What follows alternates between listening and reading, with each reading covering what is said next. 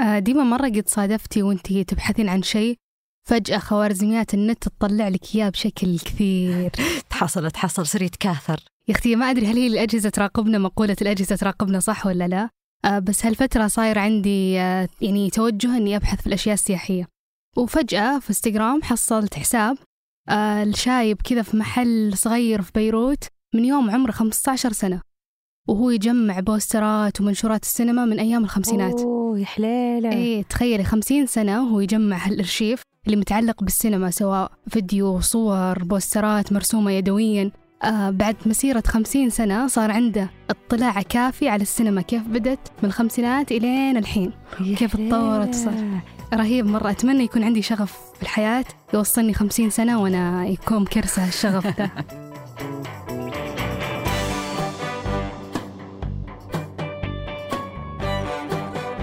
هذا بودكاست الفجر من ثمانية. بودكاست فجر كل يوم نسرد لكم فيه سياق الأخبار اللي تهمكم. معكم أنا ديمة العامر. وأنا رولا عبد الرحمن.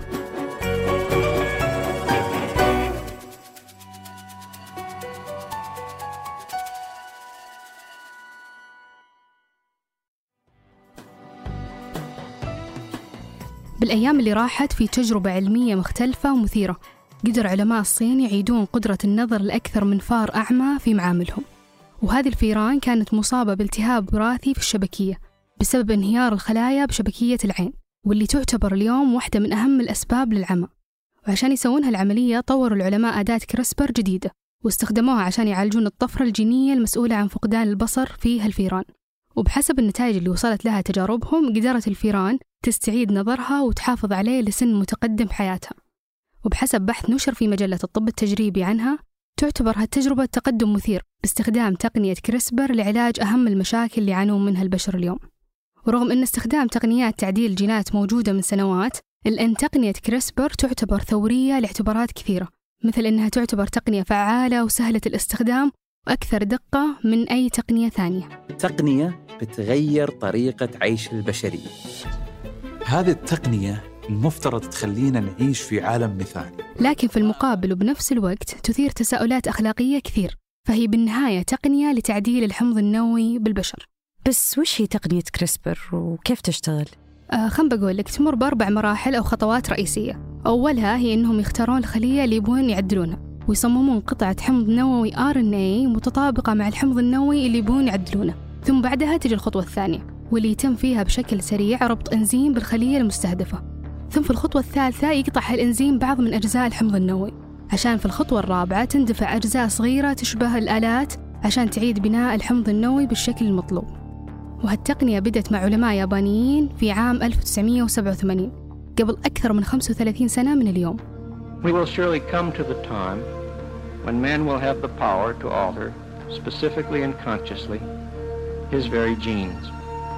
لكن ما بدأ هالاهتمام الكبير إلا في السنوات الأخيرة. بسبب تطبيقاتها تحديدا في مجال الأبحاث الطبية وصارت حتى تستخدم في علاج السرطان أو المشاكل الوراثية. في أمريكا بدأت أول التجارب السريرية على البشر باستخدامها في سنة 2016 لكن تبقى أبرز تجربة هي اللي سواها العالم الصيني هي جيان كوي اللي عدل فيها باستخدام تقنية كريسبر جينات توأم قبل ولادتهم بهدف منع إصابتهم فيروس نقص المناعة. After birth, we again deep sequencing Lulu and Lana's whole genome. This verified the gene surgery worked safely. No gene was changed except the one to prevent HIV infection. ومع مرور الوقت أثبتت تقنية كريسبر قدرتها على مواجهة الأمراض الوراثية ومنع حصولها وبالذات على الفيران اللي كانت أكثر التجارب عليهم بسبب يعني تشابههم التشريحي والجيني مع البشر فمثلا بواحدة من التجارب قدروا العلماء فيها يستخدمون تقنية كريسبر عشان يعالجون جزئيا الصمم الوراثي عند الفيران بهدف أنهم يستخدمون نفس الطريقة بعدها مع البشر سواء لعلاج الصمم أو مشاكل وراثية ثانية تصيب القلب أو الدماغ أو التليف الكيسي اللي يصير بالرئتين والجهاز الهضمي. أو حتى بعض أنواع السرطان مثل سرطان الثدي والمبيض. أو حتى أنها تكون مكان المضادات الحيوية اللي صارت فعاليتها أقل مع تعرف البكتيريا وتكيفها عليها. لكن بنفس الوقت ومع كل هالإيجابيات في مخاوف كثير مع توسع استخدامها. لأن ممكن تصير تعديلات غير مرغوب فيها الحمض النووي تسبب الإصابة بالسرطان أو حتى تخلق أمراض جديدة ما هي موجودة من قبل. وعشان كذا يقولون العلماء المختصين فيها إن لازم تطبيقها على البشر يكون بحذر وبتأني يسمح بالتحقق من كل الآثار اللي ممكن تصير بسببها مثل احتمال تقلص عمر الشخص اللي تتسوى عليه بشكل كبير. وهو الشيء اللي اتهم فيه العالم الصيني هي جيان كوي بأنه ما راعاه بسبب التجارب اللي سواها لتعديل جينات طفلتين. ورغم أنه رفض الاعتذار إلا أنه اعترف بتسرعه وقالت بعدها أكاديمية العلوم الصينية أنها تعارض التعديل الجيني على البشر بسبب أن في مسائل كثيرة باستخدام التقنية للحين ما بعد انحسمت. وعموما يتوقع المختصين أن تقنية كريسبر بيكون لها دور مهم في المستقبل خصوصا بعد ما يزيد فهم العلماء لأبعادها وتأثيراتها الإيجابية. متوقع أن أثرها يمتد إلى ما هو أبعد من مجال الطب فممكن مثلا تستخدم لتطوير محاصيل زراعية تحمل جفاف وظروف الطقس أو حتى أنها تقضي على البعوض اللي ينشر الملاريا أو حتى إعادة بعض أنواع الحيوانات المنقرضة مثل حمام الزاجل. وممكن حتى نشوف فيتامينات وعلاجات طبية مقاومة للأمراض في رفوف المحلات والصيدليات في السنوات القريبة الجاية. وقبل ننهي الحلقة هذه أخبار على السريع. أعلنت شركة نفط الكويت أمس حالة طوارئ بعد تسرب نفطي صار في غرب الكويت. في حادث قالوا المختصين إنه مشكلة متكررة وقالت الشركة إنها ما سجلت إصابات بسبب التسرب وإن عمليات الإنتاج ما تأثرت. وقال المتحدث باسم الشركة إنه ما كان في أي غازات سامة في موقع الحادث. وفي جوجل كشف الفريق الأمني للشركة عن مجموعة من الثغرات الأمنية الخطيرة في شرائح مودم من سامسونج واللي تستخدمها بعض جوالات جوجل مثل بيكسل 6 بيكسل 7 وبعض إصدارات جالكسي مثل A53 و S22 وقالت جوجل إنها بتعالج هالمشكلة بتحديث بيوصل لجوالاتها هالشهر. في تقرير جديد من بلومبرج حوالي نصف الشركات في أمريكا بدأوا يصيغون سياساتهم لطريقة استخدام تشات جي بي تي بسير عملهم اليومي.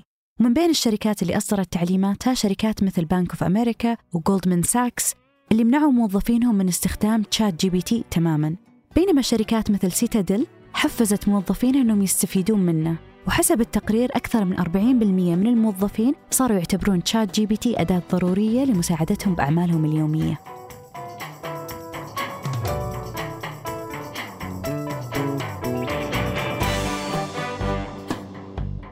أنتج هذه الحلقة ترك البلوشي وفيصل جابر وقدمتها أنا رولا عبد الرحمن وأنا ديمة العامر. وراجعها عمر العمران وحررها محمد الدوسري نشوفكم بكرة الفجر.